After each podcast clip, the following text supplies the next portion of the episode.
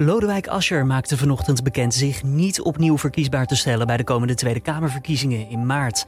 De PvdA-leider zegt zijn positie als lijsttrekker op te geven, omdat de discussie rondom zijn rol in de Kamer vanwege de toeslagenaffaire momenteel te groot is. Dit wordt het nieuws. Ja, feit is dat, dat ja, als je toch niet dat stemmenkanon uh, leek te zijn waar uh, de PvdA dan uh, misschien op gehoopt had. Politiek verslaggever Avinash Biki hoor je daar. Straks meer met hem over deze politieke ontwikkelingen. Maar eerst het nieuws van nu. Mijn naam is Julian Dom en het is vandaag donderdag 14 januari. Dit is de Nu.nl Dit Wordt Het Nieuws middagpodcast. Nederland heeft voorlopig meer vaccins van Pfizer tot de beschikking dan verwacht. Eerder werd bekend dat er zes prikken in plaats van vijf uit de flacon gehaald kunnen worden.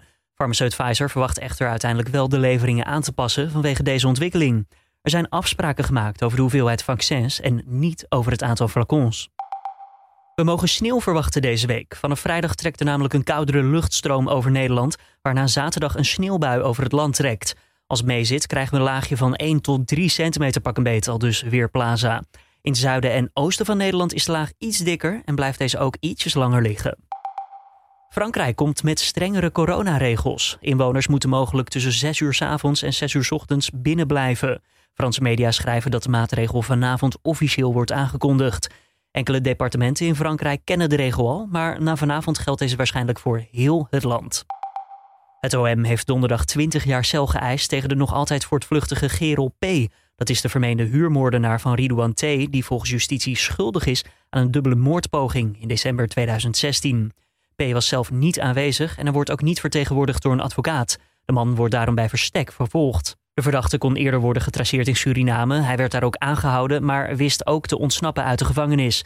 Sindsdien is hij voortvluchtig. Er is een beloning van 30.000 euro uitgeloofd voor de gouden tip die tot zijn aanhouding leidt. Een 29-jarige medewerker van de Rotterdamse politie is maandag aangehouden op verdenking van ontucht, dat meldt het OM. Hij zou vorig jaar augustus een vrouwelijke arrestant van 22 hebben misbruikt toen hij aan het werk was. Na de melding van de vrouw is er direct een onderzoek ingesteld en de politiemedewerker is op non-actief gezet. Dan naar ons gesprek deze middag, de politiek. Lodewijk Asscher maakte vanochtend bekend zich niet verkiesbaar te stellen voor de komende Tweede Kamerverkiezingen. Dit vanwege zijn rol rondom de toeslagenaffaire. Ik stel vast dat de discussie over mijn rol op dit moment het niet mogelijk maakt om daarvoor te zorgen. Daarom heb ik mijn positie als lijsttrekker ter beschikking gesteld. De lijsttrekker stond al langer onder druk, maar heeft nu de knoop doorgehakt. Komt zijn besluit nou vroeg of laat? Nou, dat vraag ik aan politiek verslaggever van nu.nl, Avinash Biki. Nee, klopt wat je zegt. Hè. In met name in de, zijn eigen partij uh, stond hij uh, in ieder geval bij een deel van de leden onder druk. De PvdA is best wel een gekke partij wat dat betreft. Ze hebben hele kritische, mondige leden. Het is een hele democratische partij. Waarbij de leden ook echt een stem hebben. En ja, daar hebben zij ook wel laten weten dat zij, althans een deel van de, van de leden, het niet kan accepteren dat ja, Ascher, die dan toch wel een rol heeft gespeeld in de kinderopvangtoeslagenaffaire, uh, geen politieke consequenties uh, trekt. Um, ja, wat dat betreft komt het nou als een verrassing. Uh, ik denk wel dat we er rekening mee hadden gehouden, ook omdat je weet dat het kabinet zelf nog geen besluit heeft genomen hè, of het aan, aanblijft of niet. Ja. Um, dat besluit nemen ze vrijdag naar alle waarschijnlijkheid. En ja, weet je, zou dan blijken dat het kabinet dan toch gaat vallen dan zou de positie van Ascher ja, bijna onhoudbaar worden. PvdA zou dan zaterdag een congres hebben. En uh, ja, de verwachting is dan wel dat, uh, dat dat een heel lelijk congres zou worden voor hem. Nou, daarover zometeen nog even iets meer um, waar ik eerst even met je op in wil. Ascher die wordt nu hard aangepakt. Maar Rutte, die ja, ook niet helemaal vrij is volgens mij, een stuk minder heb ik door. Zie jij dat ook? Um, nou ja, goed, eh, wat dat betreft uh, is dat misschien een beetje de vloek van linkse partijen. Leg uit, leg uit. Nou ja, uh, gaat er iets fout in, in, in, linkse partijen, dan maken hun eigen kiezers, linkse kiezers, maken die partij of hun eigen leider helemaal kapot. Ja, je hebt dat misschien ook wel gezien met Diederik Samsom, ja, die, met, ja, die toch eigenlijk wel een beetje is weggejaagd uit het, van het Binnenhof af, na de samenwerking met met die premier uh, Rutte, hè, die liberale premier uh, van, de, van de VVD. Um, ehm, en met name in de Partij van de Arbeid kunnen ze daar wel wat van. Um, ja, dat, dat, dat hoort ergens ook bij die partij. Hè. Als je dan niet levert, dan, ja, dan staan de leden klaar om, uh, ja, om hun mondje open te trekken. Zag jij in dat ehm, geval dan ook een emotionele Asher toen je die video bekeek? Ja, emotioneel en ergens ook wel een beetje verbeten. Hè? Dus uh, dit is een man die het stokje overnam van Diederik Samson. Uh, gehoopt had na de ja, best wel zware verkiezingsnederlaag voor sociaal-democratische begrippen. Uh, om, om de afgelopen vier jaar te gebruiken om de partij ja, weer weder op te bouwen. Hij heeft gewerkt aan een, aan een programma dat toch wel wat sociaal-democratischer van aard is. Veel focus op de sociaal zwakkeren, de woningmarkt, de arbeidsmarkt. Boek overgeschreven, dus ja, hij leek wel echt klaar voor de verkiezingen. Toch heeft hij het ja, niet dan, echt waargemaakt. Ja, nee, ja, dat, dat is een goed punt. je ziet in de peilingen dat hij ja, dat de kiezer dat eigenlijk te weinig heeft gezien. Ja, waar ligt dat dan aan? Pruimen ze Asje dan niet? Of ligt dat dan toch aan uh, de coronacrisis, uh, waar mensen dan toch uh, ja, in een soort afhankelijkheid kijken naar wat het kabinet doet, dat hij daar dan niet doorheen komt? Ja, feit is dat, dat ja, Asje toch niet dat stemmenkanon leek te zijn waar de PvdA dan misschien op gehoopt had. Nee, um, maar ja, zijn politieke carrière lijkt niet helemaal voorbij. Want zoals hij zelf ook zei, ik zie er naar uit om op een andere manier, op een andere plek of op een ander moment de samenleving alsnog te dienen. Als wat voor vervolg klinkt dat voor jou dan? Ja, goed. Ik denk ook niet dat, uh, dat als je iemand is die uh, afscheid kan nemen van het openbaar bestuur. Hè. Dit is iemand die op vrij jonge leeftijd wethouder van Amsterdam werd. Ehm, hij is ook local burgemeester geweest vicepremier, minister, nu uh, partijleider. Dus uh, ja, hij heeft een hele lange carrière erop zitten. Hij is ook ja, jurist, dus hij zou eventueel ook wat in die richting kunnen doen. Maar zoals hij al zegt, hè, van dat, het, dat hij waarschijnlijk wel terugkeert. Ja, dan moet je misschien wel denken aan een burgemeesterspost of iets in die richting. ik zie hem eerlijk gezegd ook niet naar het bedrijfsleven vertrekken of wat dan ook. Maar ja, je weet nooit hoe het lopen kan. Ja, dat is ook weer waar. Het zou niet de eerste keer zijn dat we dat natuurlijk zien uh, vanuit de politiek.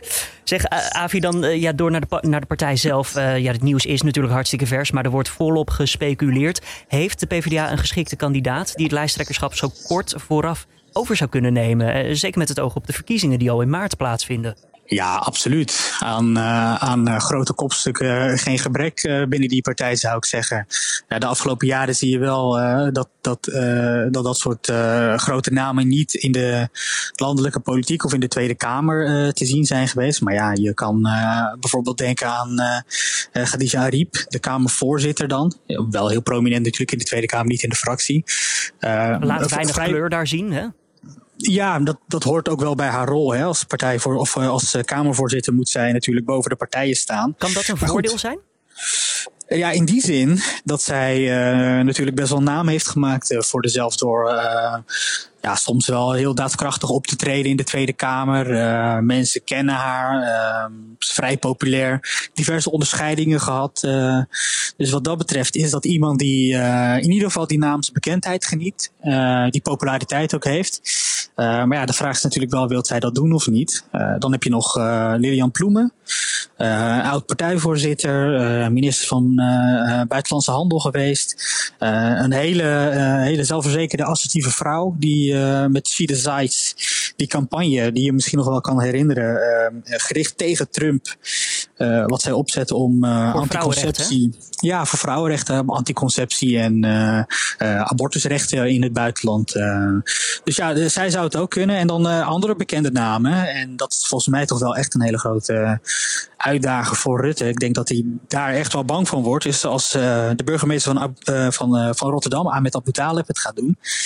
Vier jaar geleden uh, was er een lijsttrekkerstrijd in de P van de A. Uh, Abu trok zich toen terug omdat hij zich niet in zo'n strijd tegen Samson wilde mengen. Ja, andere mensen zeggen ja, hij wil, hij wil door de partij gevraagd worden. Hè? Uh, hij wil dat mandaat vanuit de partij krijgen en er niet voor uh, hoeven te strijden tegen anderen. Um, dus ja, en volgens mij is het ook zo dat, dat, dat wat Rutte ook wel heeft gezegd dat, dat Abu Talib iemand is die hem misschien wel kan verslaan. Oftewel, dus, daar zit wel echt een mogelijkheid voor de PvdA om nu Abu Talib te vragen. Ja, ja, als hij dat wil. Maar het probleem daar is weer, hij is uh, deze maand begonnen aan zijn derde termijn als burgemeester van Rotterdam. En, uh, hij zei dat hij dat een fantastische plek vond. Hij, vond het daar, hij zit daar echt op zijn op, op plek, ja. Precies, maar ja, iedereen weet ook natuurlijk dat hij wel landelijke ambities heeft. Ja. ja. Dus ja, het zou mij niet verbazen als hij het doet. Um, als, als we dan kijken naar die verkiezingen, twee maanden te gaan. Eh, kan de PvdA zich nog een soort van herpositioneren ook in die verkiezingsstrijd? Je zei net al van met Ascher bleek het niet het kanon tegenover de VVD te zijn. Uh, wat ze misschien wel zouden willen. Is daar nu ruimte voor om een draai te maken en die slag te slaan? Nou ja, wat, wat volgens mij het punt is, is dat uh, de PvdA qua verhaal niet eens een draai hoeft te maken. Want uit onderzoek blijkt dat uh, de Nederlandse kiezer uh, op bepaalde thema's gewoon ja, gewoon wat linkser is geworden. Dus dan zou je zeggen dat de weg vrij ligt voor een, uh, ja, voor een, uh, voor een grote charismatische uh, leider. dat klinkt nu fout als ik dit zo zeg. Maar, ja, maar ze hebben een groot gat te verslaan. Hè? Ik bedoel, in de, de peilingen, je kan er niet altijd van op uit, maar ja, en dat daar terwijl, is het enorm. En dat terwijl de, het sentiment in het land toch wel wat wat meer leunt naar de links-progressieve kant. Ja, Asje, of weet het, Asje heeft het niet kunnen waarmaken. Klaver lijkt het ook niet uh, uh, te lukken in de peilingen. En Marijnissen is ook niet dat linkse boegbeeld. Dus wat dat betreft ligt er echt nog wel een kans voor iemand die de naamsbekendheid heeft. En de populariteit ook heeft. Om in dat gat te stappen. En het, ja, premier Rutte echt moeilijk te gaan maken. Dan eventjes door naar vrijdag, uh, Avi. We gaan er rap doorheen. Maar ja, dan praat het kabinet dus over die toeslagaffaire, over de conclusies die getrokken kunnen worden. Is het vertrek van Ascher een voorbode wat betreft die conclusies, denk jij? Nou, het is, het is in ieder geval wel zo uh, dat het misschien wel wat meer druk op de ketel heeft gelegd. Je weet, ze zijn nu al vier weken bezig om een antwoord te formuleren. Je kan je ook afvragen, weet je, waarom moet dat nou vier weken duren? Goed. Ja, uh, moeilijke vraagstukken, zegt de premier dan. Maar ja, het, het, ja maar je kan, je kan het ook zien als uh, gewoon een beetje tijd kopen. Uh, en een beetje peilen van hoe het rapport en de verontwaardiging valt in de samenleving. hoe het wacht op de peilingen. Ja, en dan zie je toch wel dat een meerderheid vindt dat het kabinet door kan. Um, ja, dat zal, dat zal de premier, uh, denk ik, ook wel uh, gebruiken in, in, in overleggen die hierover gaan. Maar goed, weet je, als je stapt op, dat is een signaal naar alle vier de partijen in de coalitie dat hij zijn verantwoordelijkheid wel neemt. Dat terwijl hij niet eens in het kabinet zit. Um, ja, en dan moet je toch wel een heel goed verhaal hebben als kabinet en coalitiepartijen. Um, wil je dan nog uh, kunnen beredeneren dat, uh, dat het kabinet, dat dus staatsrechtelijk wel verantwoordelijk is, uh, door kan gaan. Mochten ze nou wel opstappen en het kabinet wordt demissionair, verwacht jij dan de komende tijd dat we wel iets van verschil zouden zien? Want ja, er zijn nog maar ja, is niet zo heel veel tijd meer te gaan. En corona, ik bedoel, er moeten wel besluiten genomen worden. Ja, ik, ik vind dat argument een beetje, dat dat een beetje wordt overdreven hoor. Ik, je kan je vier jaar geleden nog wel herinneren. Toen hadden we zeven maanden een demissionair kabinet. En het land draaide gewoon door hoor. Ik denk niet dat er een partij is in de Kamer die zegt dat uh, een demissionair kabinet geen besluiten meer mag nemen op, uh, op het gebied van corona. En stel nou, het kabinet valt niet en zit er dit uit. Dan moeten ze op een gegeven moment hun ontslag aanbieden aan de, aan de koning na de verkiezingen. En dan zijn ze alsnog demissionair. En gaan we ervan uit dat dit ook een hele lange formatie gaat worden zou dat dus betekenen dat ze in die tussenperiode ook vleugellam zouden zijn. Dus ja, ik geloof dat niet. We gaan het zien. Politiek verslaggever bij nu.nl, Avinash Biki. Ik wil je danken voor je tijd en deze ja, analyse, toelichting. Yes, Julia, dankjewel. Tot de volgende keer. Dan het weer van Weerplaza. In het noorden blijft de zon zichtbaar. Meer naar het zuiden neemt de bewolking meer en meer de overhand. En in Zeeland is er ook nog kans op lichte regen met af en toe een beetje nat sneeuw. De middagtemperatuur die komt uit op een graad of 2 à 3. En vannacht klaart het overal op en zal het vriezen. Dit was dan de Dit wordt het nieuwsmiddag podcast van deze donderdag 14 januari. Tips of feedback altijd welkom. Stuur het toe naar podcast.nu.nl. Mijn naam is Julian Dom. Ik zeg tot de volgende weer. En morgenochtend is collega Carne van der Brink hier om 6 uur ochtends op de voorpagina van nu.nl met het nieuws van dan.